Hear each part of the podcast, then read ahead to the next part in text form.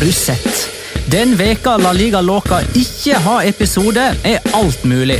Da kvalifiserer Finland seg til EM. Pochettino får sparken i London. Gareth Bale er morsom.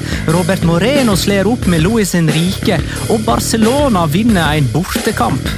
Vi er tilbake for å få verden i vater. La liga Låka. En litt gærnere fotball. Ja, ja, ja. Dette er La Liga Loca, episode nummer 92 av det ordinære slaget med Petter Veland, hei. Hei. Jonas Giæver, hei. Halla! Og Magna Kvalvik, hei. Halla, Magnar. Hei. Takk for sist, da, folkens. Det begynner å bli en stund siden. Har du hatt en fin ferie, Petter? Eh, ja, Rent bortsett fra at lommeboka mi blør nå så inn i granskauen, så går det fint. Har du hatt en fin ferie, Jonas? Nei, bortsett fra at kiloen renner av meg, så er alt sammen fint. Nei! Sier du det? Bortsett fra. Ja, det litt selvskryt der, da, men det får så være. Nå Ja, du, du ser bra ut, Jonas. det er gått ned, jeg ned ti kilo. Jeg har satt en ny personlig rekord Ti kilo siden forrige episode. Nei, ikke siden forrige episode. Det hadde vært ganske sykt. Men siden jeg starta det greiene her, da, så øh, klokker jeg inn ti kilo, faktisk. Når starta du dette greiene her? Eh, I morgen er det fem uker siden. I ti kilo? Ja, nei, vann- Jeg la ikke merke til det engang. Vann, vannvekt også, takk for det. uh, vannvekt også, selvfølgelig, men vi regner. Men ja, det, det begynner i hvert fall i morgen, så tror jeg jeg begynner å få en ordentlig pekepinn på om det stabilt har vært rundt Jeg, jeg pleier å si i mitt hode at det er ti, men jeg regner at det nok er syv-åtte som er faktisk vekt. Imponerende. Ja. Takk, takk. Eh, Og så du, da- har du hatt en bra ferie? Eh, Du har ikke gått ned. Jeg har ikke gått ned noen gått kilo. Jeg har vel ikke gått opp heller, tror jeg. Så eh, Ting er i vatt. alt uh, på det jevne. Ja. Eh, Men det har jo skjedd veldig mye sånn ellers, da. Eh, Så vi har mye vi skal gjøre nå i dag. Mm. Skal vi begynne med runden, eller? Det kan vi. Det var Tradisjonen runde, tro. Tradisjonen tro. Det var jo runde nummer 14, det da. I alle fall før 18 av laget. Fortsatt så eh, mangler jo Real Madrid og Barcelona en kamp som kommer nærmere og nærmere, skal vi tro, den planen som er satt opp da, om 18. desember. Men eh, fredagen starta jo dette da med Levante Mallorca 2-1. Mallorca tar fremdeles ikke et eneste bortepoeng og er det eneste laget sådan. Eh, Ruben sin matchvinnerskåring for Levante ble vel målt til å være et skudd fra 33 meter, mener jeg. Det er ikke verst. Han er litt sånn som Saul. Hvis han skårer mål, så veit du at det er vakkert. Og Chimiavi Avila òg, da. Ja. Ah. Det, du, du har noen sånne Ja, du har det. Ja, som for- bare skårer lekre mål, gjerne med åtte kampers mellomrom. Felles der venstrebeinte. Ja, det er jo et poeng. da. Eh, lørdagen starta tidlig med Leganes Barcelona 1-2. Nesiri skåra først med ei perle for uh, Leganes, før Barcelona snudde med et par dødballmål, med Luis Suárez og Arturo Vidal som målskårere. Barcelona spilte med et svekka forsvar, noe de òg må gjøre mot Dortmund onsdag. Når Piqué har karantene, Alba og Semedo er skada, og Longley fremdeles halter. Men jeg, jeg, jeg, nå mener jeg at den haltende Lenglet går langt over en ufokusert Piquet. Ja, Det kan godt hende, for dette her er tennisgreien til Piquet. Cup. Det er tennis, det er politikk, det er produksjonsselskap. Ja, dette er Kosmos, er det det heter? Ja, Det som hadde regien på dette Grismann-greiene. ja, ja nemlig. Eh, og til alt overmål så driver jo Leganes, nei, Barcelona og promoterer en dokumentar om seg sjøl med at Shakira sitter og griner over at Liverpool slår dem ut av mm. Champions League. Ja, men det var jo! Det var litt det hun skriker i en trailer jeg har sett. Men du sa jo det at det, det er et svekket forsvar. Jeg vil jo si at det er ganske svekket angrep også, slik som de fremstår om dagen. Altså Det startet med Dembélé, Messi, Suárez og Griezmann. Og gud hjelpe meg hvor Der, var, dårlig de var. Der, der er det et, et meget solid uttrykk, et godt kjent uttrykk, som passer inn. Flere For mange kokker, kokker, ja. for mye søl. Ja. Vi kommer nok tilbake Det til dette etter hvert. Men kan jeg bare få spørre om en ting? Fordi, eh, som vi også skal snakke om da, altså det, var, det var jo en spesiell kamp for norske La Liga-fans denne runden her, fordi Martin Ødegaard møtte sin tidligere klubb. La du merke til om det var noen sånn oppstandelse? Nå vet jeg at det var et enormt derby i Marokko denne helga her. Eh, Men når Josef Enesiri skårer mot Barcelona, tar Marokko fullstendig av da? Har har du fått med deg noe rundt det? Ja, altså jeg noterte meg at det var litt grann sånn å herregud, men eh, det er mer det hvis han hadde gjort det for Barcelona. Eh, fordi det er jo veldig mye Barcelona og Real Madrid-entusiasme i de to, eller i, i Marokko. Og så eksempel når Ashraf Hakimi gjør det veldig bra for Dortmund, da, og når han gjorde det veldig bra for Real Madrid, så er det liksom nå, det, det myntes mot Real Madrid hele tiden. Ja. Så hvis han signeres tilbake av Real Madrid, hvilket jeg tror kommer til å skje, Han er jo bare på lån, så han skal jo tilbake. jo, jo, men at han integreres tilbake i troppen, er jo kanskje jeg skulle fram til. Så, så tror jeg det kommer til å være altså Det blir jo folkefest en masse, og Casablanca kommer til å stå i flammer. Og så har jo Enesiri allerede skåra mot Spania. eh, Så da Det var i hvert fall folkefest, det skal jeg love deg. Så lenge, så lenge den gleden der varte. Real Betis Valencia 2-1. Maxi Gomez sendte Valencia i ledelsen før tidligere Valencia-spiller Joaquin utligna, før tidligere Valencia-spiller Canales ble matchvinner. Et herlig frispark på eh, ja, Det var vel i det 90. minutt. Eller Det var på over overtid, det. Det var på overtid. Valencia hadde tre strake seire før dette møtet, og nå venter altså Chelsea på onsdag. Det er på Mestalla. Eh, og I den gruppa så har altså Ajax, Chelsea og Valencia sju poeng hver. Valencia har igjen nevnte Chelsea, og så Ajax borte. De har jo gjort unna disse Lill-kampene sine. Er det ikke nå Joaquin har den rekorden for flest seire av en spiller i La Liga som ikke har spilt for verken Real Madrid eller Barcelona eller Atletico Madrid? Har ikke han, nettopp tatt Han tok den to uker etter at han ble den La Liga-spilleren som har tapt flest gjennom tidene. Ja. Så det svinger greit, og det forteller mye om hvor lenge han har vært med i gamet. Man kan si at han er en legende.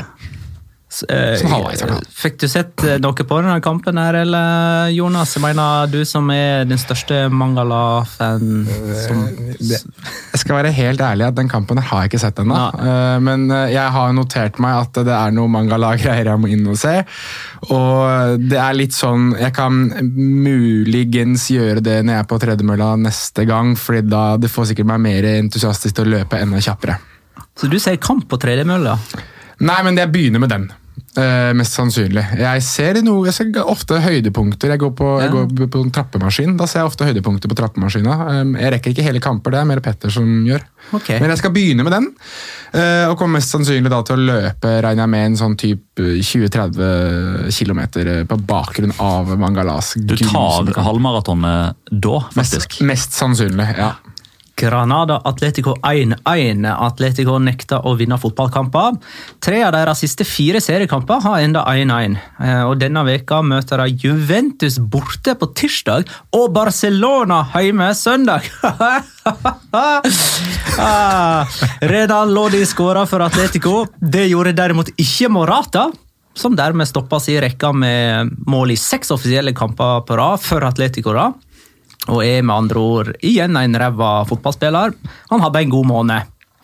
Du, Jonas Sier ingenting, jeg. Nei, men altså, vi må bare ta den der greia. For eh, du husker jo i episode 88, når du hadde den Morata-renten Jeg måtte inn og høre på det der i dag. Da sier du jo, som jeg også har fått en påminnelse av fra Atletico Norvega, ikke det jeg kaller seg? Om at eh, Morata er i Atletico-sammenheng nærmere Kalinic enn Falcao. Og jeg backer deg på den påstanden her, men det er utgangspunktet at Falcao han skåra jo nærmere 30 mål i en La Liga-sesong for Atletico. Så jeg tenkte kanskje vi skal følge den der Ja. gjennom denne sesongen her, og ta den beste sesongen til Falcao som Atletico-spiller i La Liga, og den beste sesongen til Kalinic ja. i Atletico i La Liga. Og da skåra altså Kalinic i sin beste sesong eh, to mål. Ja. Falcao i sin beste sesong 28. ja. Så hvis Morata skårer 15 La Liga-mål, Ja. da er han midt imellom. Da, da har han 13 mer enn Kalinic og 13 mindre enn Falcao. Ja. Skårer han 16, så er han nærmere Falcao enn Kalinic. Skårer han 14, så er han nærmere Kalinic enn Falcao. ja. Den er artig. Den får man må holde på. Hvor, hvor står han nå? Nå har han vel seks? Ja. Sies- vi kan, jeg tror, Åh, det, det var da voldsomt. Jeg trodde det var sju. Vi kan ta og sjekke det. Noen klarer å Jeg gjør det, ja. gjøre det før meg. Så kan jeg gå videre, videre, jeg. Han har fem, Fem? I, La- Liga. Sju i, eh, inkludert i Champions League. Ja, riktig. Men eh, kan jeg bare få komme med en liten fun fact? Når det gjelder Alvaro Morata, sånn sett opp mot andre spisser. Eh, fordi det er noe eh, vi skal diskutere i Champions League-sendingene på, på tirsdag og onsdag nå. Eh, for jeg har sett på antall minutt på en fotballbane per scoring for det man de siste ti årene har sett på som gode spisser, eller spisser for gode lag. Og blant spissene som har dårligere tall enn Alvar og Madata dette gjelder da seriekamper i en topp fem-liga og Champions League. Det er det som er med i beregninga. ja.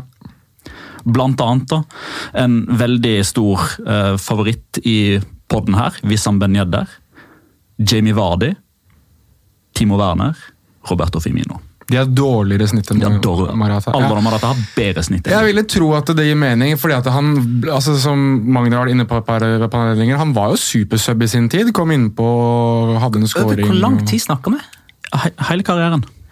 Ja. Da, men da han var en- utrolig effektiv i Juventus og Real Madrid mm, med tanke på minutt spilt. Helt enig, så det, det overrasker meg ikke. Uh, vi går videre. Real Madrid, Real Sociedad 3-1. Eh, Sergio Ramos ga William José ei bursdagsgave i det andre minutt. eh, som eh, brasilianerne da omsatte i skåring. Uh, men Benzema og Modric var de som virkelig leverte målpoeng til den store gullmedaljen her. da. De snudde kampen. Uh, Benzema med mål og målgivende. Modric med mål og to målgivende.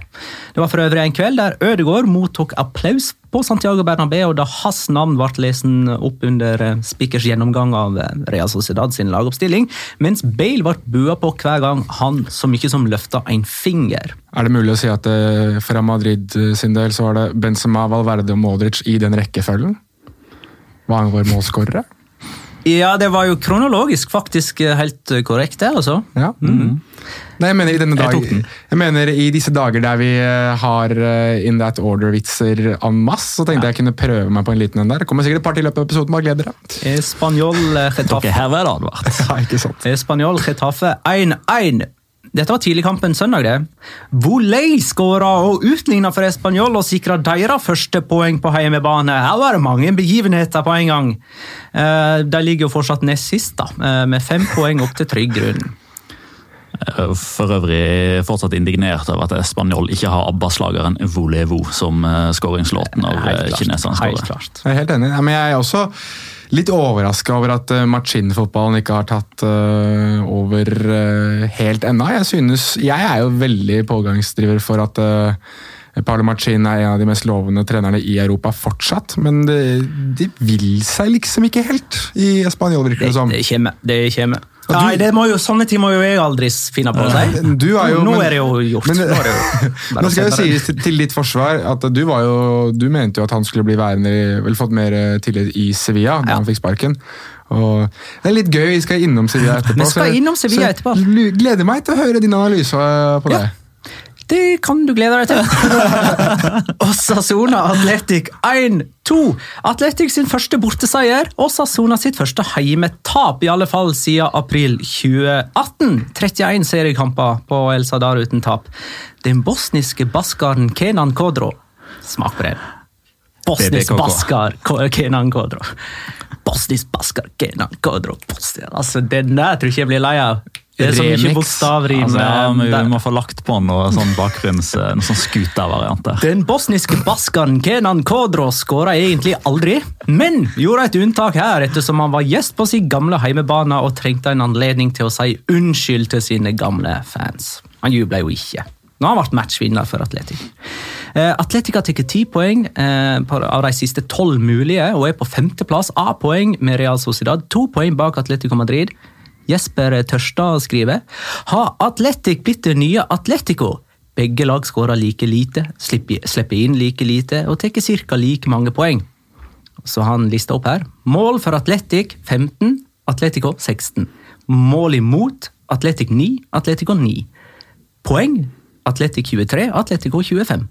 Relativt like i spillestilen nå, sier han. Så for de som sliter med forskjellen på Atletico og Atletico. Lykke til.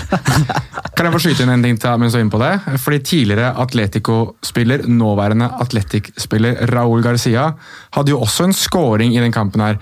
Og når jeg la merke til, eh, Den ble jo annullert, men både Raúl Garcia og Kenan Kodro var sånn Nei, vi skal ikke feire skåringen vår. Altså, slutt med tullet Ja, der. det, den, den, med, den har vi den har vi ranta om.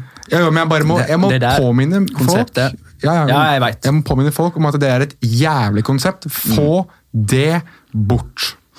Eh, To ganger samme så, altså, Raúl Garcia skåra eh, og, og beklagde det. Eh, og, og så ble jo skåringen annullert. Ja. Så da skulle han vel egentlig juble. Da, liksom. Ja, Han, da skulle de vært happy for det, skulle de ikke det? Jeg har lyst til bare bort og kysse VAR-skjermen. og- ja. Takk for at jeg annullerte denne skåringen, så jeg slapp å skåre mot gamle lagkamerater. Altså, helt. Canales og Joaquin de jubla. Det var avmålt. Klart Canales eh, litt mer, antageligvis pga. anledninga. Og Joaquin fordi at de mest sannsynlig også ville ha et mål til. Men altså, det er helt greit. Juble altså, mot Valencia. Alle vet at jeg, mitt, uh, mitt hjerte er i Valencia, så ok, flott. Bra at dere jubler mot dem òg. Eibar Alaves 02. I likhet med Morata stoppa òg Lucas Perez si rekka med skåringer denne runden, men skåra ikke han, så gjør Joselo det. Ja, han skåra begge. Og der var det sånn, altså, han, han førte skåringa videre, for han ble jo bytta inn for. Ja. så, Mens Morata han bare stoppa. Men, Alaves-rekka flyter de, men de har, de har spissa Alaves. Ja, de har det. men kan vi snakke litt om uh, Joselu og Lucas Perez? Fordi hvis, hvis, altså, Lucas Perez synes jeg er morsom å se på nå. Altså, han er en spiller som du nesten må bli litt glad i, fordi han er så aggressiv og så ilter. og altså, Iveren er tilbake i han skikkelig. da. Mens Joselu han er så keitete. Han er liksom så kantete i alt han foretar seg, men det, men det funker på en eller annen måte. Han er liksom Han er Gaiska Tokero med mål. Det er, det er liksom det er litt det samme. Det er, det er Ingenting gir egentlig helt mening, men det blir fortsatt mål. Den er god. Eh, det var Ibar Alaves, ja. Real, Celta Vigo 1-3. Celta Vigo vinner aldri på bortebane, bortsett fra når de møter Real, Dette var Celta Vigo sin første borteseier siden sist de var på La Ceramica i desember i fjor. Da fikk Javi Calleja sparken. Og nå, dette er ikke, nå overdriver ikke jeg eller eh, driver med tullprat om Villarreal. Dette er fakta igjen. Helt sånn objektive fakta. Ja. Ja. Det, var, det er jo én årsak til dette tapet her. Eh, Ramiro Funes Mori er tilbake i midtforsvaret. Gult kort, tre baklengs, tap. Og Javi Calleja Skal var han som valgte å ha han i forsvaret. Si kan Iago Aspas skåra jo to, da, Ja. er og en årsak. men det an, den andre skåringen til Iago Aspas oh, Se den i reprise. Ta så Bland deg noe godt i glasset. Dim lysene. Kos deg. Valladolid Sevilla 0-1. Ever Banega matchvinner da han uh, skåra fra straffemerket på andre forsøk. Han bomma først. Det var, det var helgens kuleste enkeltsituasjon. Eller de, de to-tre Altså Drar vi med fire minuttene for å få med det der Nacho og Campos-tullet som varte egentlig i 75 minutter etterpå? Det var- det var kult. Det var jo en litt sånn, sånn tribute til uh, Gary Medell og Lionel Messi sin dansing under Copa America. Den der Lucas Lucas Ocampos brystdyttinga der. Fytte rakker. Han var sint, ass! Fytte, er, jeg kan ikke huske si en sånn spiller så sint som det Lucas Ocampos var i 90 minutter. Der frykta jeg litt for Prieto Iglesias, dommeren, si helsa, faktisk. Eh, altså, Jeg frykter for alle, alle Valladolid-spillernes helse. Da har vi borti han. Altså. Eve Banega bomma altså først på straffe, eh, men fikk ta det på nytt for at Jordi Masip hadde beveget seg utenfor streket og satte altså neste straffespark opp i krysset. Og så Få minutter etter det, og da har vi bare spilt et kvarter, så prøver Ocampos å filme seg til et straffespark i duell med Nacho Martinez, og etter det så har de en beef gående hele kampen, og på overtid så får til slutt Ocampos rødt kort, sitt andre gule, da, etter en duell med Nacho Martinez.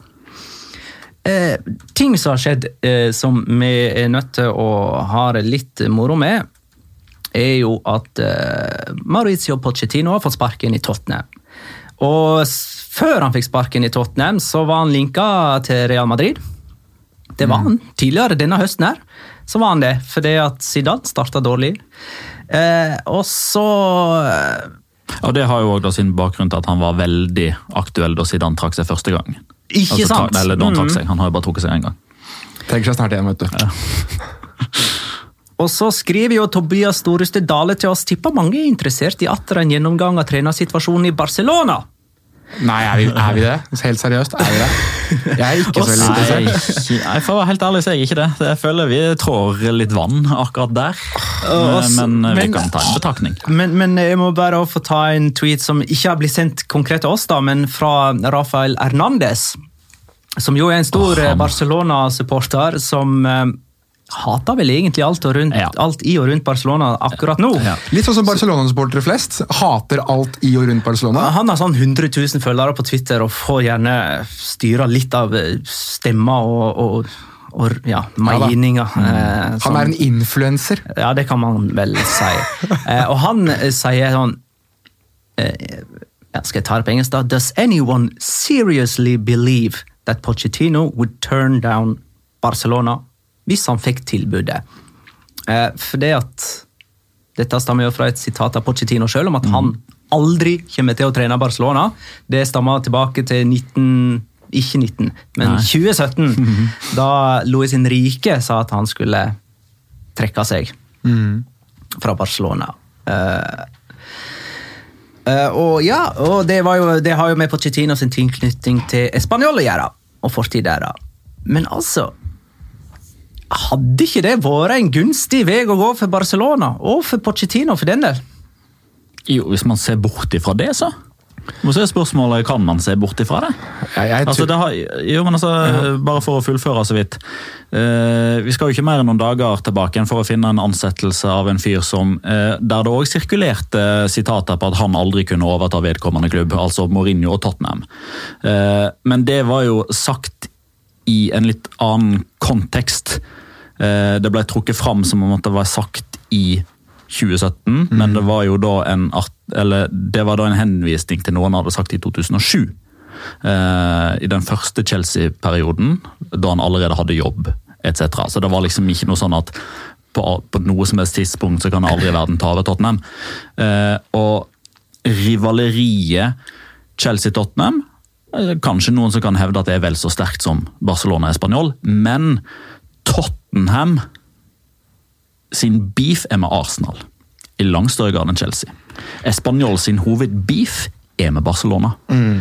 Eh, men Barcelona sin hovedbeef igjen er med Real Madrid først og fremst. Jo da, men Pochettino har jo Español-tilknytninger. Ja. Det er ikke det at han har vært i Barcelona og skal til Español eventuelt, det er at han har vært i Español, han har vært spiller og i en lang periode kaptein og trener. Mourinho kun trener. Mm. Mitt, ja, ja. mitt, mitt poeng er bare det at uh, for Barcelona sin del så vil jo, ikke, vil jo ikke det være vanskelig for de å tilby Pochettino den jobben, med tanke på at de kanskje ikke tenker på det på lik linje. Men det store spørsmålet er jo tenker Pochettino på det på den måten ja. fortsatt. Altså, Den som eventuelt sier nei her, er jo Pochettino. Mm. For Barcelona har jo allerede vist at de gir en blanke faen i hva slags spillerbakgrunn treneren deres har. I Luis enige. Henrique. Da er vi helt enige. Men jeg tror, altså For å besvare litt på det spørsmålet som uh, senor Hernandez kom med her, så tror jeg at ja, jeg tror faktisk Pochettino er av den typen som kan si at vet du hva, det er ikke helt jobben for meg. For jeg tror ikke han kommer til å være desperat etter å få noen jobb uansett. Mourinho, på, på annen hånd for å bruke han som eksempel, siden du brukte han, Petter, Mm. han er nok mer desperat, for han har sittet i elleve måneder og ventet på en jobb. Og Og så er Porcetino Pochettino i tillegg, sånn som jeg oppfatter de, Ja. utenifra, mer en mann av sitt ord enn Mourinho, som heller velger å si det som passer han best akkurat i den situasjonen. Mest sannsynlig. Pochettino er koblet til Bayern München. Man vet at Paris Saint-Germain der har han også en tilknytning, så han kan kanskje gå inn der på Det et kommer snart et uh, mesterskap som gjør at Argentina-jobben snart blir ledig. Og den kommer jeg ikke til å ville ta uansett, for det er ingen argentinske trenere som vil ha Argentina-jobben. Det og det er ikke kødd engang. Det Ja, vi får se. Lionel Scaloni sitter nok ganske greit der, men poenget er at jeg, jeg tror at det hadde passet veldig bra. Jeg tror det hadde vært fint for Barcelona, egentlig nesten hvilken som helst trener hadde vært fint for Barcelona nå, med unntak av Valverde, Uh, virker det som.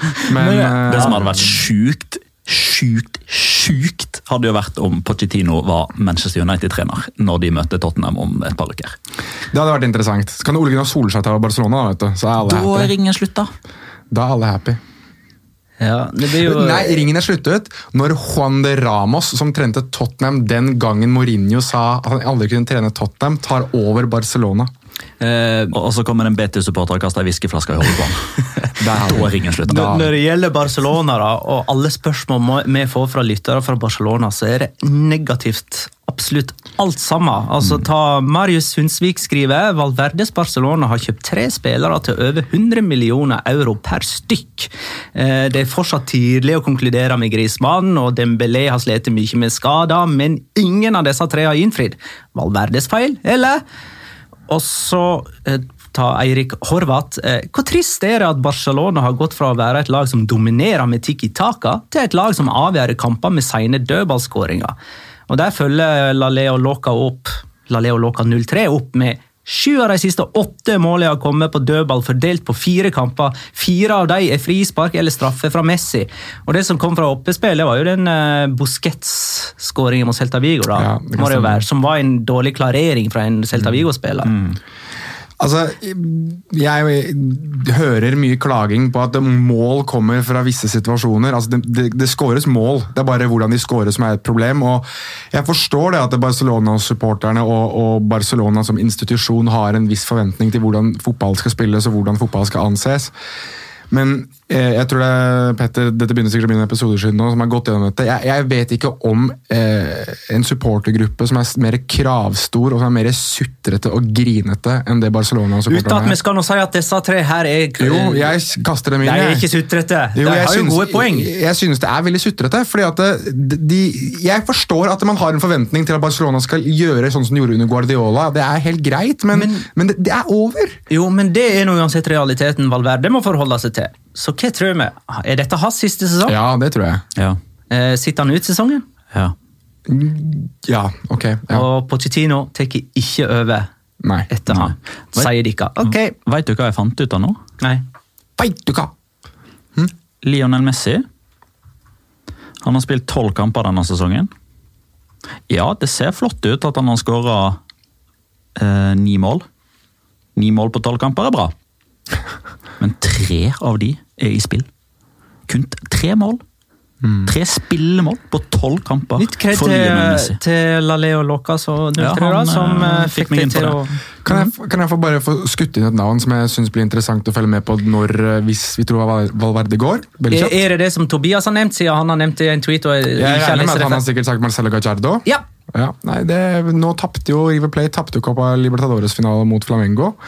Helt på tampen. Litt sånn 1999 Manchester United Bayern München-esk. Men uh, jeg tror at Marcelo Gallardo nå mest sannsynlig tenker til, at uh, nå tror jeg at jeg har tatt det laget så langt jeg kan ta de. Og det er jo ikke helt u barcelonsk å gå for han som gjør det veldig bra, som han ikke har tenkt så veldig mye over, som sitter på et annet sted på kloden. De har jo prøvd Tata Martino tidligere. De har vært koblet til Alejandro Sabella en gang i tiden også. Så jeg ville ikke bli overrasket hvis det er Marcelo Cacerdo som tar over på Santiago Bernabeu også, fordi han er, har en veldig god se på eh, Camp Nou. på Camp Nou, herregud, ja takk. På Camp Nou. Uh, han har jo også en god track record med det å, å promotere unge spillere, så det vil jo passe ja, helt ja, inn i La Masia-rekka. Men greit, da legger vi den tweeten fra Tobias død, og så tar vi en annen tweet fra Tobias, som lurer også på eh, om eh, se eh, Hva alle tenker om eh, i gåsehauget urørlige Diego Simione. Eh, Atletico-prosjektet synes å ha stagnert de siste to og et halvt årene. Eh, kunne det ha vært en post på, for, at, for Pochettino? Pochettino. Spennende. Den syns jeg er mer spennende, ja. Den er veldig Eh, spennende. For der er jeg veldig enig i det at uh, det, er- det, det begynner å ligne mer og mer på sånn Simione har gått sin gang. Der går det an på en måte å skille som venner. Takk for lang og tro tjeneste, Ja. Ja, ja, Simione. Du, dette med, med skille som venner nå kommende sommer, og ha en, en god arvtaker uh, i ermet som kan få Ja. hvile nå fram til sommeren. Og så tar Simione Simeone Inter eller Når Juventus eller Milan. Eller, Conte nei, har begynt- Milan. Men, Conte har også å oppføre seg som en tulling i Ja. Inter. Da tror jeg fort det åpner seg Begynte ikke han med det umiddelbart? Jo. Eh, Så, så men, jo slite men enn så lenge så har han resultater der, da. Jo, men så ryker det ut av Champions League da, i et- etter gruppespillet, og så sitter man der. Eh, Men uh, det må jeg bare få si at um, jeg er helt enig med altså meg og Tobias har faktisk diskutert dette tidligere i dag uh, på DM på uh, Twitter. Slide så into det- your Så DMs. ingen fått lov til å se. oss. Ikke sant? Men det, eh, altså vi, vi har en felles enighet, det tror jeg alle har, om at Atletico Madrid har stagnert. De har i hvert fall ikke blitt bedre. Man ser ikke en utvikling der nå.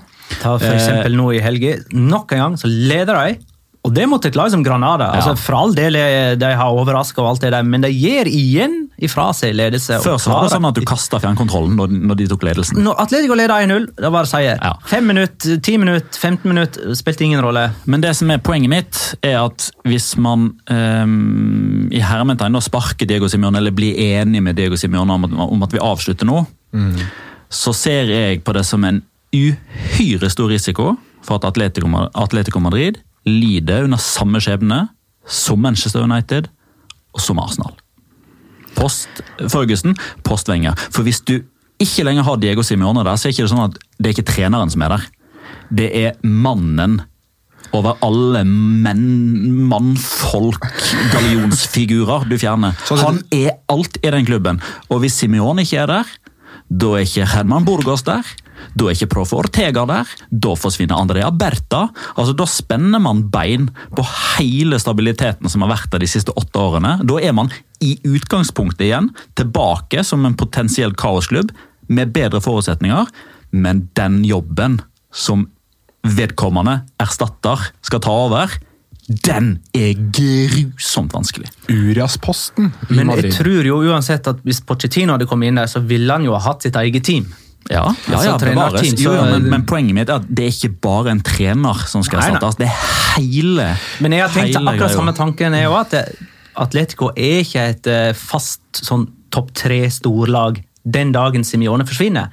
Men dette hadde vært en god mulighet likevel til Ja. å føre det videre. Jeg jeg er med Magnar på det, også fordi at eh, ja, du omvelter jo åpenbart en del av det som har vært institusjonen i Atletico Madrid, men samtidig så kommer Pochettino inn med et trenerteam og med en filosofi som minner om Diego Simione, men med kanskje litt mer bielsistiske undertrekk. da, At det er mer eh, moro, det er mer entusiasme. Det er kanskje enda mer uh, inn, det er kanskje enda mer eh, offensiv glede, for det er det de har manglet i, en, i et par år nå. Så jeg tror, hvis du skal en, endre på trenerposten i eh, Atletico Madrid, så kan du ikke gjøre Du kan ikke gå fra Diego Simione til Zdenek Zeman, Nei, nei, nei, nei, nei, nei. Du må Da ha du noe du som må ha ligner. Du må ha Mourinho, du må ha Ancelotti, du må ha en av de. Føler jeg. Du Ja. må ha en av de. Ja. Eh, når det gjelder Real Madrid, da, der han faktisk var linka til altså, tidligere eh, Kan vi bare sette en strek over det, kanskje? Petter Losvik skriver jo er det mye som tyder nå på at sykdomstegnene til Real Madrid er borte, eller skyldes det lettere motstand de siste ukene? Jeg synes i alle fall for det, altså, det som var mest oppløftende for Real Madrid sin del på lørdag, i tillegg til det åpenbare, som er spillet og eh, resultatet, det er jo at man klarte å beholde flyten gjennom landslagspausen. Fordi den landslagspausen, eller som ikke er en landslagspause, eh, perioden der man spilte landskamper, kom egentlig fryktelig ubeleilig for Madrid sin del, for de høvla over Galatasaray og de høvla over Eibar, og så var det stopp. Men så var de litt sånn tilbake igjen på, på glid. Spesielt andre omgangen så hadde de full Ja, kontroll. Og, og det at de vinner 3-1, altså det kunne vært både 4-1 og 5-1, kanskje 5-2. Men kan vi si det sånn, da, i, i, eh, for Maritzo Porcetino, Er det sånn Atletico Madrid, Barcelona, Real Madrid i den rekkefølgen? Oi. Der klarte han å Ja. snike inn enda en! Takk, takk. takk, takk. Dette er du god på, Jonas. Men uh, hvis Pablo Machin ikke klarer å løfte Nei, men helt seriøst, kan Español-hjertet til Mauricio Pochettino være så stort? Ikke så dum link, Det er, altså, en, men det er eh, en tanke, men jeg tror det blir med det. Slik altså, Español er i dag. han har nok blitt større enn Espanol nå. Altså, herregud, Han satt jo også og sutra og grein at de fikk penger i Tottenham. Da skal han sitte altså med de fire millioner euroene som han får i Spanjol hver sommer. da, ikke sant, Og prøve å, å kanskje kjøpe venstre lille, lillefingeren til uh, Deli Alli, liksom. Jeg vet da søren, jeg. Eh, Det var utrolig dårlig forklart, men ja, dere skjønte hva jeg skulle fram til. vi går videre. Jeg gjør Ja, heller vi det. gjør det. Det var dårlig. Uh, for uh, nå har vi jo snakka både om Atletico, Barcelona og, og Real Madrid. Riktignok med en link mot, uh, Men mot, Spanias beste lag har ikke vi snakka om ennå. mot Pochettino. Men Åh, se hva Magna da! Nå blir det lag nummer tre på tabellen er jo Sevilla. Må ikke glemme det er Anders Glendrange. Glendrange, kanskje? Glendrange. Eh, Kanskje det òg. Glendrange. hva syns dere om Sevilla? Drange. Vil det holde helt inn? Og da har han altså tredjeplass i parentes. Får Julen Loppetegi en personlig revansje nå? Nå har han det loppetegøy. Dette er Lopetegoi. Jeg ja, skal jeg være helt ærlig, nå er det mange gode vitser her. Veldig bra, folkens. Dette her, Eller med et høyt nivå, syns ja, du sjøl. dette her er drithøyt nivå. Det er, jeg blir veldig imponert. Men, eh, men altså Men nå, nå må jeg fortelle hvor jeg har den fra, for det er, jo- det er Magnar som er opprinnelsen til det. Nei, du sier ikke Jo, jo. jo. Men eh, det, han var venstrebekk, ikke sant, på Sasona? Ansotegi. Nei. Uh, Eneko Satrostigi. Satrostigi. Eh, som en av våre tidligere gode kollegaer eh, kom i skade for å kalle eh, for noe annet. Eh, Satrostegoi ble jo eh, han kalt for. Ok. Eh, og så kom jeg og Magnar i snakk om, eh, om det, for det, på det tidspunktet så hadde jeg et litt sånn ansvar for å eh, rette på eh, kollegaer som hadde feil uttale, fordi vi ville bli enda bedre på det. Og, og da eh, bøyde Magnar dette verbet da til satrostegøy, satrostegøyere, satrostegøyast. Meget bra. For jeg sier jo gøy, og det syns du jo, Petter, er ganske goi. Det skjønner jeg. Mm, men uh, dette her er egentlig Nå er det 25. november 2019, og på dette tidspunktet her så har vi egentlig en årlig diskusjon med om hvordan Sevilla skal gjøre det resten av eh, sesongen. De har 27 poeng etter 14 runder og er nummer tre, altså. Poenget bak Real Madrid og Barcelona. Er det noen som husker hvor mange poeng Sevilla hadde etter 14 serierunder i fjor? Sikkert akkurat det samme. Akkurat det samme. Men er vi, eh, kan vi, mens vi er inne på Nicola Kalinic Falcao-skalaen, er vi liksom sånn Sampaoli Berizzo-skalaen? Er, er det mulig? Er han, hvem er han nærmest av de to? Det er jo eh, sånn, skal vi, skal vi prøve å tenke ut hva vi tror er sluttresultatet? Er han, er han sparket til jul?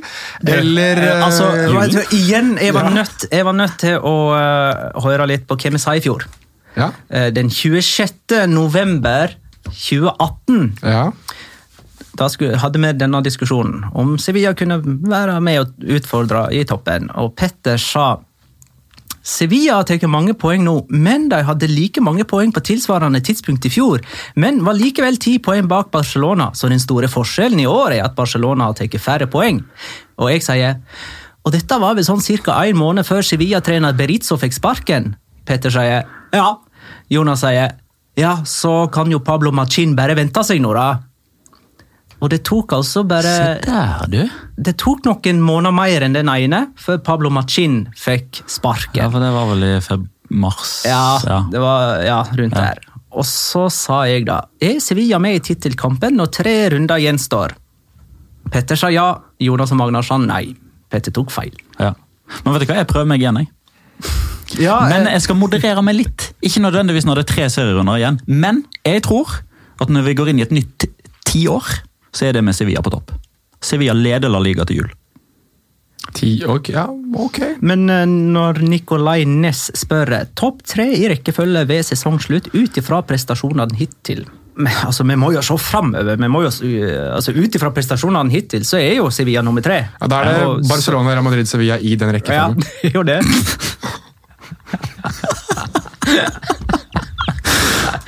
Nei, nå var det Ja, du er på takk, hugget. takk. Du er på hugget. Takk, takk. Nå er jeg så fornøyd med meg selv at det er helt grusomt. Altså, smilet ditt går rundt. Det der egoet mitt.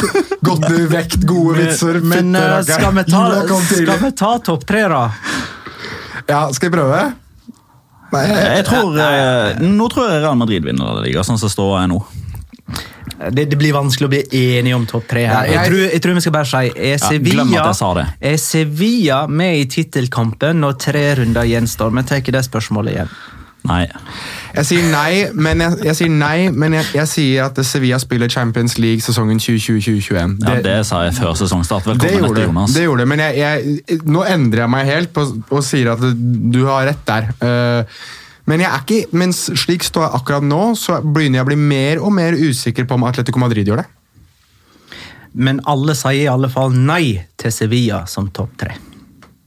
Sånn blir det. Men de Nei, leder- ikke topp tre. Men de leder til jul. Nei, Nei, at, eh, at de eh, kan være med At de fortsatt har en teoretisk okay, sjanse ja, ja, når tre ja, ja. runder gjenstår til å vinne Ja, ja. La Liga.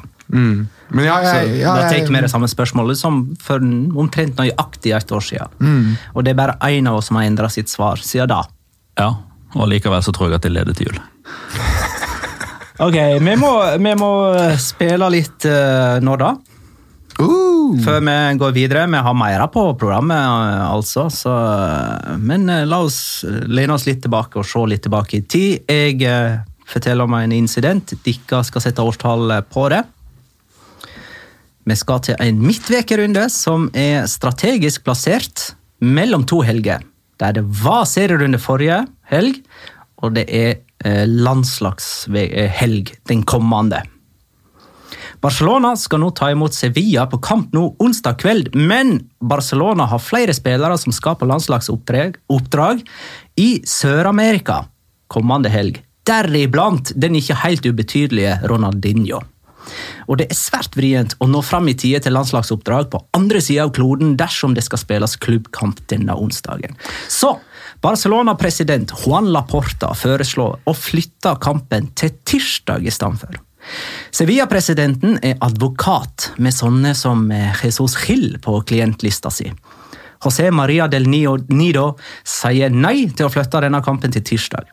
For det første har ikke Sevilla verdensstjerne som det haster med å få sendt til Sør-Amerika. De skal kanskje bli det en gang, men de er nå ikke der akkurat nå, så dette her er et Barcelona-problem. For det andre har Sevilla nettopp spilt på en søndag, og en tirsdagskamp vil innebære bare én stusslig hviledag. Og det er da Juan Laporta sier Greit det, motherfuckers. Ikke et ordrett sitat, men eh, det passer til karakteren. La oss si han sa det sånn. Greit det, motherfuckers. Vi skal spille denne kampen på onsdag klokka 00.05. Altså fem minutter over midnatt. Fem minutter etter at tirsdag har blitt til onsdag, skal denne kampen spilles. Da må Ronaldinho legge seg seint, men det er han vant med, og så kan han reise til Sør-Amerika på dagen onsdag.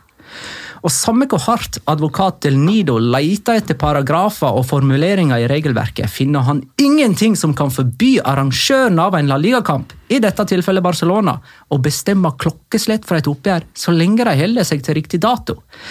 Dette er verket til en klovn, sier en resignert Del Nido, og det er et reelt sitat. Han kaller Laporta en klovn. Så, fem minutter over midnatt, natt til onsdag, sparker oppgjøret i gang framfor 80 000 tilskuere. Frank Rijkaard stiller med spillere som Victor Valdez, Puyol, Xavi, Luis Henrique og Ronaldinho. Joaquin Caparros stiller med spillere som Dani Alves, Julio Baptista og José Antonio Reyes, som skåra kampens første mål klokka kvart over tolv. Sevilla holder ledelsen helt til klokka halv to. Da tar Ronaldinho ballen med seg fra egen banehalvdel, dribler to Sevilla-spillere og fyrer av et skudd fra 30 meter. Ballen treffer tverrlegger, spretter i bakken og opp i nettaket. Klokka halv to natt til onsdag skårer Ronaldinho det som blir sesongens mål, og kampen ender 1-1. Når da? jeg vet sesongen, men jeg vet ikke om det er det ene eller andre året. Det jeg eh, gjorde sånn for helt i begynnelsen, der var at det var landskampshelg med midtukerunde i forveien. For sånn er det jo ikke nå. Nei, det var sånn før. Så vi, Og en annen Det var ting før som det var landslagsveka. Ja, men, men en annen ting som jeg stussa på, som også da heldigvis har blitt forandra For det var jo åpenbart sånn at eh, Barcelona som arrangør, hjemmelag, kunne bestemme når kampen ble spilt. Sånn er det jo ikke nå lenger. Nei, det er ikke det. Uh, ja, Og dette var sesongen er- veldig få dager før uh, avspark. ja. Ja, altså Med tanke på at eh, Reyes fortsatt er i uh, Sevilla, og Rijkaard fortsatt er Barcelona-trener, så er det mest, mest sannsynlig 03-04-sesongen. Um, og jeg husker faktisk at denne kampen her skulle spilles, for det var i avisa. Det var den gangen jeg fikk Aftenposten av moren min og leste liksom Midnattskampen, og det var liksom store greier. Men jeg husker ikke om det var i 2003 eller i 2004. Det er jo f- eh, definitivt flest landskamper på høsten enn på våren. Så vi har jo da en statistisk bedre mulighet på siden 2003. For da er landskamper september, oktober, november. I, på våren så er det bare mars. I hvert fall sånn som det er nå. For det gir også mening fordi ja, fordi Ronaldinho kommer året etter 2002-2003, og Laporta kjøper han eh, fordi han hadde lovet Beckham. Kunne ikke garantere Beckham, så da måtte de settle for eh, Ronaldinho. Eh, gikk ganske greit. Så det, 2003, da. ja, det kan godt gå for 2003. Svar avgitt? Ja. Riktig. Det var andre serierunde. Dette var 3. september 2003. Altså klokka eh, Datoen hadde så vidt rukket å bli 3. september. Eh, og det var første heimekampen til Ronaldinho. Kult. Eh, Var det det? Så kult. eh, det var Og Laporta hadde jo nettopp blitt Barcelona-president. Ja. Og dette var på en måte det første skikkelige grepet hans, som viste liksom den autoriteten han besatt. Ja, stemmer. For det var da han hadde, I kampanjen hans for å bli president så hadde han lovet David Beckham. Ja, og så skal det sies at jeg henta inspirasjon til denne her eh, via podkasten When We Were Kings. Eh, ikke det den heter? Med Erik Niva og Håkan Andreasson. Eh, og der, der, eh, der det er altså en episode om Barcelona denne sesongen her. Ah, okay. Og da, der sier de at den der Beckham-lovnaden bare var en gimmick. De, de var egentlig ikke interessert i han. Det var noe de fikk med seg Manchester United på til å publisere på deres nettsider. Oh, ja. Egentlig ville de ha Ronaldinho. United ville også ha Ronaldinho. Alle ville ha Ronaldinho. Alle Ronaldinho. ville ha Ronaldinho. La Liga Låka vil ha Ronaldinho. Ja, altså, for all del. Eh, Skal vi ta og se litt tilbake på all dramatikken som eh, Eller i alle fall noe av dramatikken som skjedde i landslagsveka. Vi kan jo Altså, Mange syns landslagsveker er kjedelige, men eh, det er de ikke. Eh, for, Men jeg, jeg mener, fortalt deg en gang, Jonas, at det alltid skjer et eller annet Ja. når jeg er på ferie. Alltid. Og, når, og landslagsveker, fordi at spillere er på oppdrag for, for landslaget sine og for, er, har en litt avstand til klubbene sine, og det virker som de kan uttale seg Ja. litt sånn friere. Altså Bale på pressekonferanse før den Wales-flaggkampen eh, var mer ja. ja, senka skuldre Men, og men, men bare, bare sånne altså, sånn, bare sånne fire ting da, fra, fra top of my head når jeg har vært på ferie med familien Kan jeg, kan jeg så har Zidane trukket bare, kan jeg få skyte inn en ting før du, før du går videre? Ja. Du er jo på ferie hver gang det er landslagspauser. Så Ja. det, dette Ja, her det, nei, ja, nei, ikke alltid. Ikke alltid. Ok, Ikke alltid. Okay, men gå, men gå nå- gjennom, da. Zidane trakk seg. Da var jeg på Kreta. En. Nå, Dette her er jo snikskryt. Nei, det Nå er skal du fortelle hvor hen i verden du har vært. Robert Moreno trekker seg, og Luis Henrique kommer tilbake igjen. Da var jeg i Paris. Eh, da eh, Tito Villanova døde, da var jeg eh, på, på danskebåten på vei til København. Så det er på bussen, ja, faktisk. Og da eh, Julian Lopetegi fikk fyken og, og Hierro kom inn, da var jeg i Barcelona. Så det er på desken dette Nettavisen. Så hver gang jeg lover fruen min at det skal ikke være så mye på telefonen, for nå er det landskamper, eller nå er, det, ja, nå er vi på ferie, så skjer det et eller annet stort som gjør at jeg, nei, det, det blir litt jobb allikevel. Og du gikk glipp av El Clásico fordi du skulle på Melodi Grand Prix en gang. Det var Ja, men det var vel ikke noe ekstraordinært. Eh, nei, du er jo alltid på Grand Prix. Ja, nettopp. Eh, Gareth Bale sin feiring framfor et eh, flagg. Eh, jeg gidder ikke å fortelle hva, det flagget, hva som sto på det flagget, og hva som skjedde. Wales, Golf, Madrid, in Det that gjorde det order. veldig, veldig fint under kommenteringa av Real Madrid Altså. Så hvis folk ikke vet hva det er, gå, til, Ja, gå gå inn der, på. Strive og Ja. eh, De som opptak vet, og- de ja. vet. Spørsmålet er jo Ja, men du vet jo nå, så du er ikke ekskludert. Nei, jeg er ikke det. Men noen blir jo det, da. Nei, du, hvis ikke du har fått med deg det her er fotballsporter og hører på en podkast, da må du reality-sjekke deg Jeg er med og selv. ekskluderer deg sjøl. Ja. uh, nå må vi komme til spørsmålet. Er Bale sitt forhold til Santiago Bernabeu ugjenopprettelig for evig og alltid? Jeg synes vi, jeg synes vi skal svare på det spørsmålet minst én gang hver eneste sesong, om ikke to-tre. og Nei, jeg føler jo det at uh, i august så, så, så var det noe på gang. ikke sant? Han, skulle, han reiste ikke til Kina likevel. Han var med i startoppstillingen til Real Madrid. Hadde jo målgivende mot Celta Vigo i første kamp. og Kanskje var dette sesongen, liksom.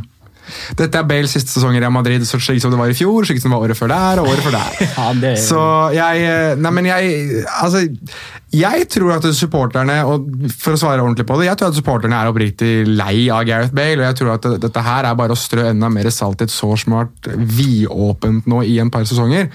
Så det er jo egentlig ikke noe nytt, og jeg forstår liksom ikke helt hva hva nytt som skal skje heller før han faktisk selges. Altså, han blir ikke solgt i januar, fordi han er såpass god. og eh, Blant annet Jose Felix Diaz i Marca har sagt at i Real Madrid så tror de fortsatt på Gareth Bale. Og Da må de i hvert fall tro på han fram til sommeren 2020, skulle jeg, skulle jeg tro. Men jeg tror igjen også det at, det at José Mourinho har kommet til Tottenham og mest sannsynlig har lyst på en statement-signering til neste sommer, og har vært ute til Gareth Bale ved flere anledninger tidligere, så tror jeg sannsynligheten er enda større for at han drar til Premier League eh, til Tottenham enn det kanskje noen gang har vært at han drar til Manchester United. Men det kan jo skje eh, allerede i januar, det. Sånn her type lån med obligatorisk kjøpsopsjon i sommer? Nei, fordi jeg tror at Gareth Bale sitt toppnivå er såpass godt at jeg tror han kunne gjort, fortsatt gjort en jobb i Champions League à la det han gjorde for i Kiev da, mot Men det kommer jo litt an, for samtidig så kommer det jo disse rapportene som du viderebrakte i går, var det vel? Med om mm, Pogba som eh, Ja. liksom nekter å spille fordi han har fram en eh, overgang i januar. Sånn som hvis Real Madrid ser sitt snitt og henter Ja. Pogba i januar, og så blir kvitt litt lønn og kanskje får noen grunker for Bale. Sant? Det blir ofte litt to pluss to. Men i januar I januar Nei, Sjansen er mindre da enn Ja. i juni, men i og med at det er det rapportene tilsier. Ja, ja, ja. Men, Men jeg det kan var se, jo- se for meg det i, juni. Et slags forsonende trekk av Zidane, var ikke det? Å sette han innpå mot eh, Real Sociedad. Altså, holdt han på benken der og bare på en måte holdt da den der tension-greia gående enda litt lenger. Utsatt det. Altså, Bli kvitt kvitt Ja, bare liksom, få det bare få ta utblåsningen nå, folkens, med leder mot Real Sociedad. Vi kan, god. og, og Bale kan Ja, komme inn og gjøre en god figur, liksom. Men, uh, det var var noen jo- som reiste seg og klappa for han, faktisk. Men det er jo, det er jo mange en uh, Madrid-journalist, uh, og det finnes det mange av, og det er ganske mange i den eldre garden som har gått på Bernabeu siden 60-, 70-, 80-tallet, som ikke har hørt lignende før. Nei, jeg hørte, De har det, ikke hørt lignende før. jeg hørte at det var De har hørt mot grusomt. motstandere, bl.a. Piquet, men ikke mot en som spiller i hvitt. Hadde ikke Cristiano Ronaldo det på en, eh, en liten periode der, spesielt i disse oppslagene, de første oppslagene i portugisisk presse? Ja, ja, men, det, men, men det var liksom lite grann. Ja. Og det ble gjort en stor sak ut av fordi Santiago Bernabeu-publikummet bua på eh, Cristiano Ronaldo, men dette var liksom sånn wow. Men eh, den andre okay. saken, da. Robert Moreno får jo ikke fortsette som, eh, altså i det spanske apparatet engang for landslaget, eh, ettersom Luis Henrique meldte at han kunne ta, ta, ja, gå i gang igjen med arbeidet etter den tragiske, det tragiske dødsfallet til dattera. Eh, og da er det jo ting som tyder på at Robert Moreno og Luis Henrique ikke lenger er bestevenner, eller? Ja, Det sies jo at eh, relasjonen utenfor banen er typ, uh, typ ven, Nei, at ven, vennskapet er der fortsatt. Det er ikke noe personlig som har skjedd. Det er ikke det at Robert Moreno har sagt eller gjort noe i forbindelse med sykdommen eller familie, eller Ja, sånt, men det er strictly taktisk jobbmessig. Ja, det- det, har det er faglige. Vi for jeg, les, jeg leste at eh, en av grunnene til hvorfor eh, Robert Moreno var så for, nei, Luis Henrique var så forbanna på Robert Moreno, var at han hadde distansert seg veldig fra Luis Henrique etter at dette eh, skjedde. At han ikke var der på den måten som Luis Henrique hadde forventet av ham som venn, først og fremst. Og at derfor så var det vanskelig for han å gå inn i arbeid med ham, og gjorde veldig tydelig at hvis han skulle tilbake inn i arbeid, så ville det være uten Robert Moreno. Det er det jeg leste. Jeg tror det var fra Onda Zero. Uh, jeg lurer på om jeg ikke leste det i en av papiravisene òg, eller i en av de vanlige avisene også. Men, men uansett hva det er, da, så er det åpenbart at uh, Robert Moreno har uh, tråkket i salaten et eller annet sted eh, hva angår Luis Henrique. Og Luis Rubiales har da måttet velge mellom de to. og skal jeg være helt, helt ærlig, så synes jeg at eh, det var Luis Henrique sitt prosjekt. Altså Det var han som startet det, det var han som holdt på, og så skjedde det en tragedie. Og, da, og I tillegg, når Robert Moreno da sa på sin første pressekonferanse som Spania-sjef at hvis Luis Henrique har lyst til å komme tilbake igjen, så trekker jeg meg. Han sa det senest i september. Ikke sant?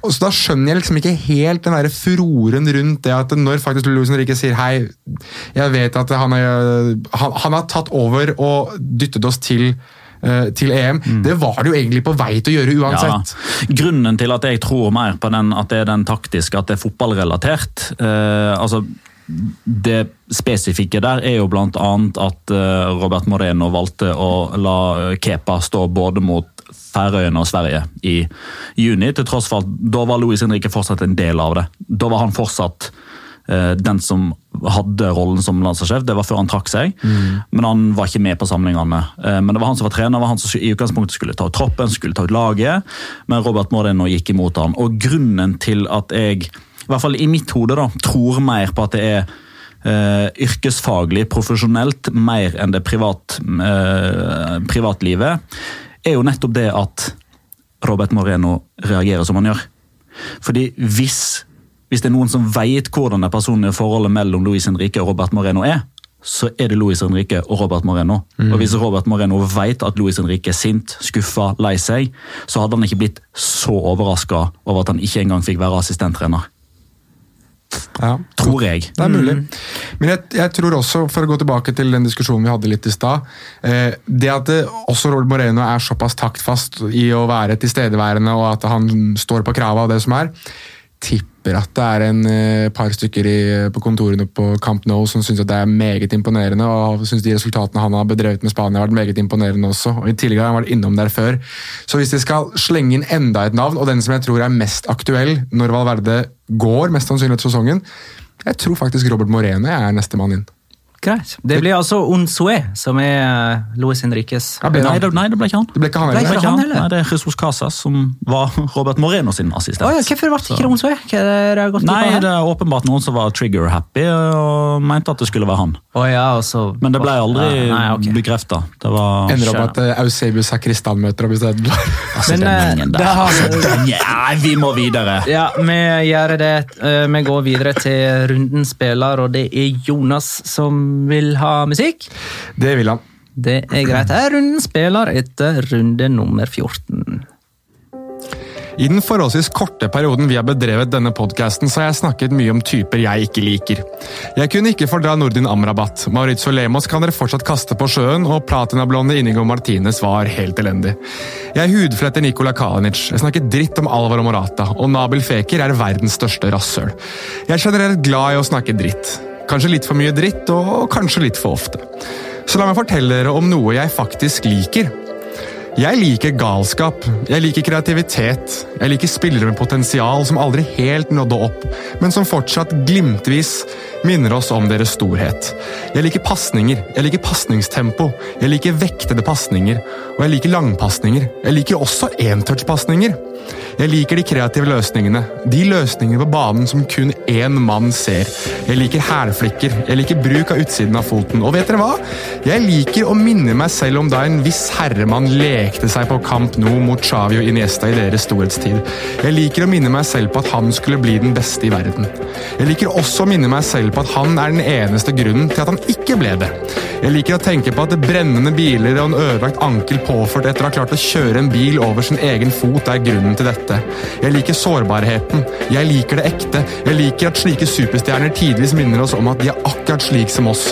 Jeg liker 89 perfekte minutter, så en grisetakling i 90 minutt som gir direkte rødt kort. Jeg liker krangling med egne supportere for det du selv står for.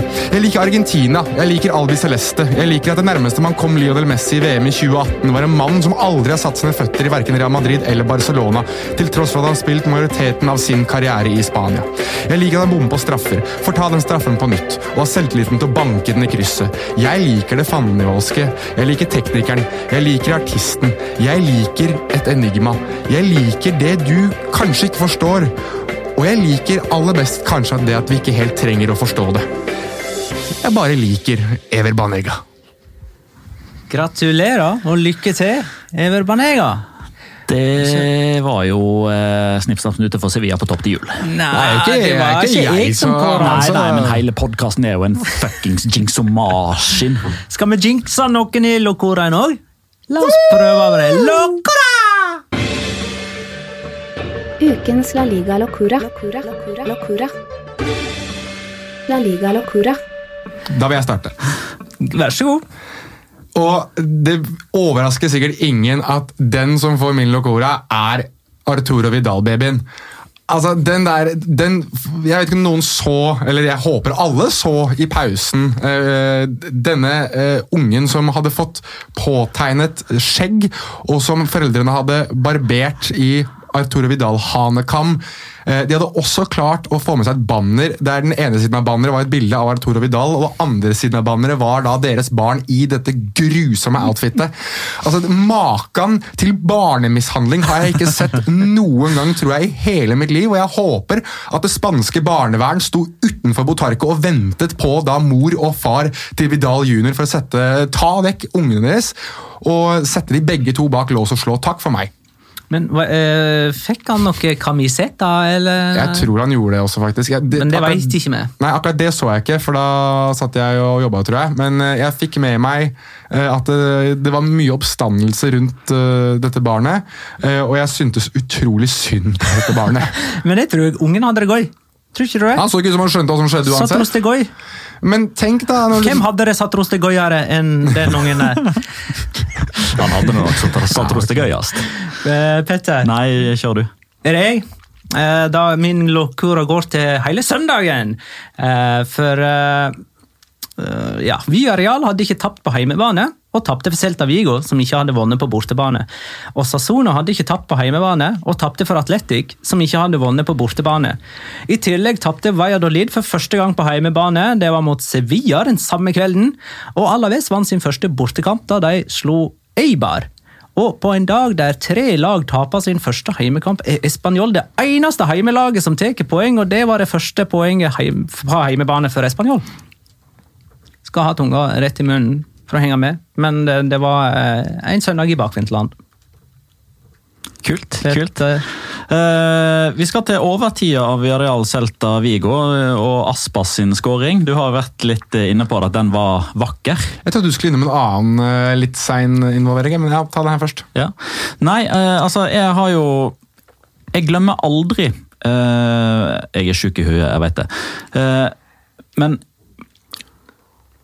Elche spilte mot Betis for noen år tilbake igjen. Og Da var det en situasjon på overtid der jeg tror det var Richmond Boakie eh. Boache var alene gjennom en keeper. Eh, og Jeg husker ikke hva som skjedde i den situasjonen, fordi det eneste jeg la merke til, det var hvor inn i helvete rask Hilmansano, dommeren, var. Og denne helga her så skjedde det samme igjen.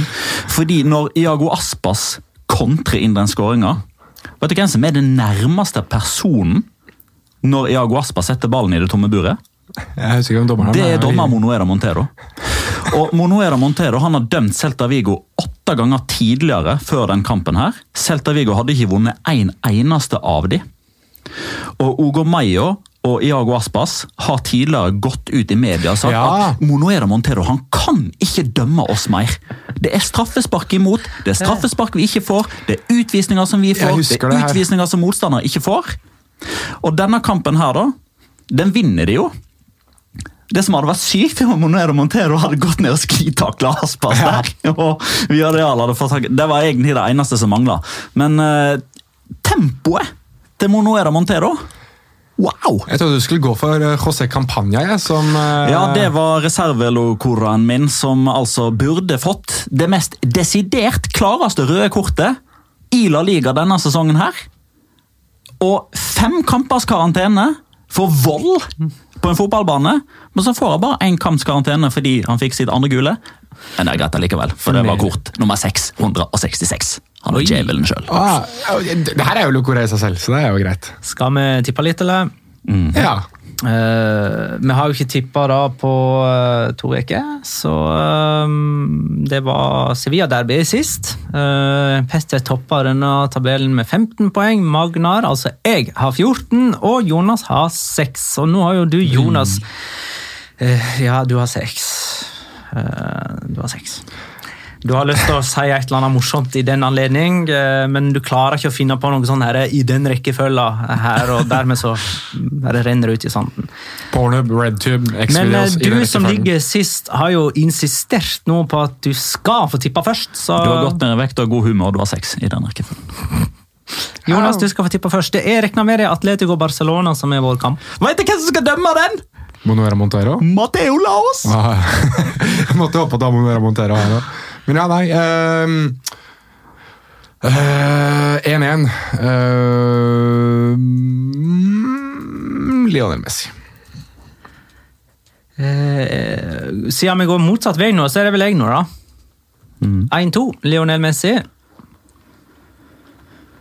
Det er altså på Wanda Metropolitan. ja, ja, ja, jeg er klar over det. 1-1. Du var, ja. Uh, Grismann.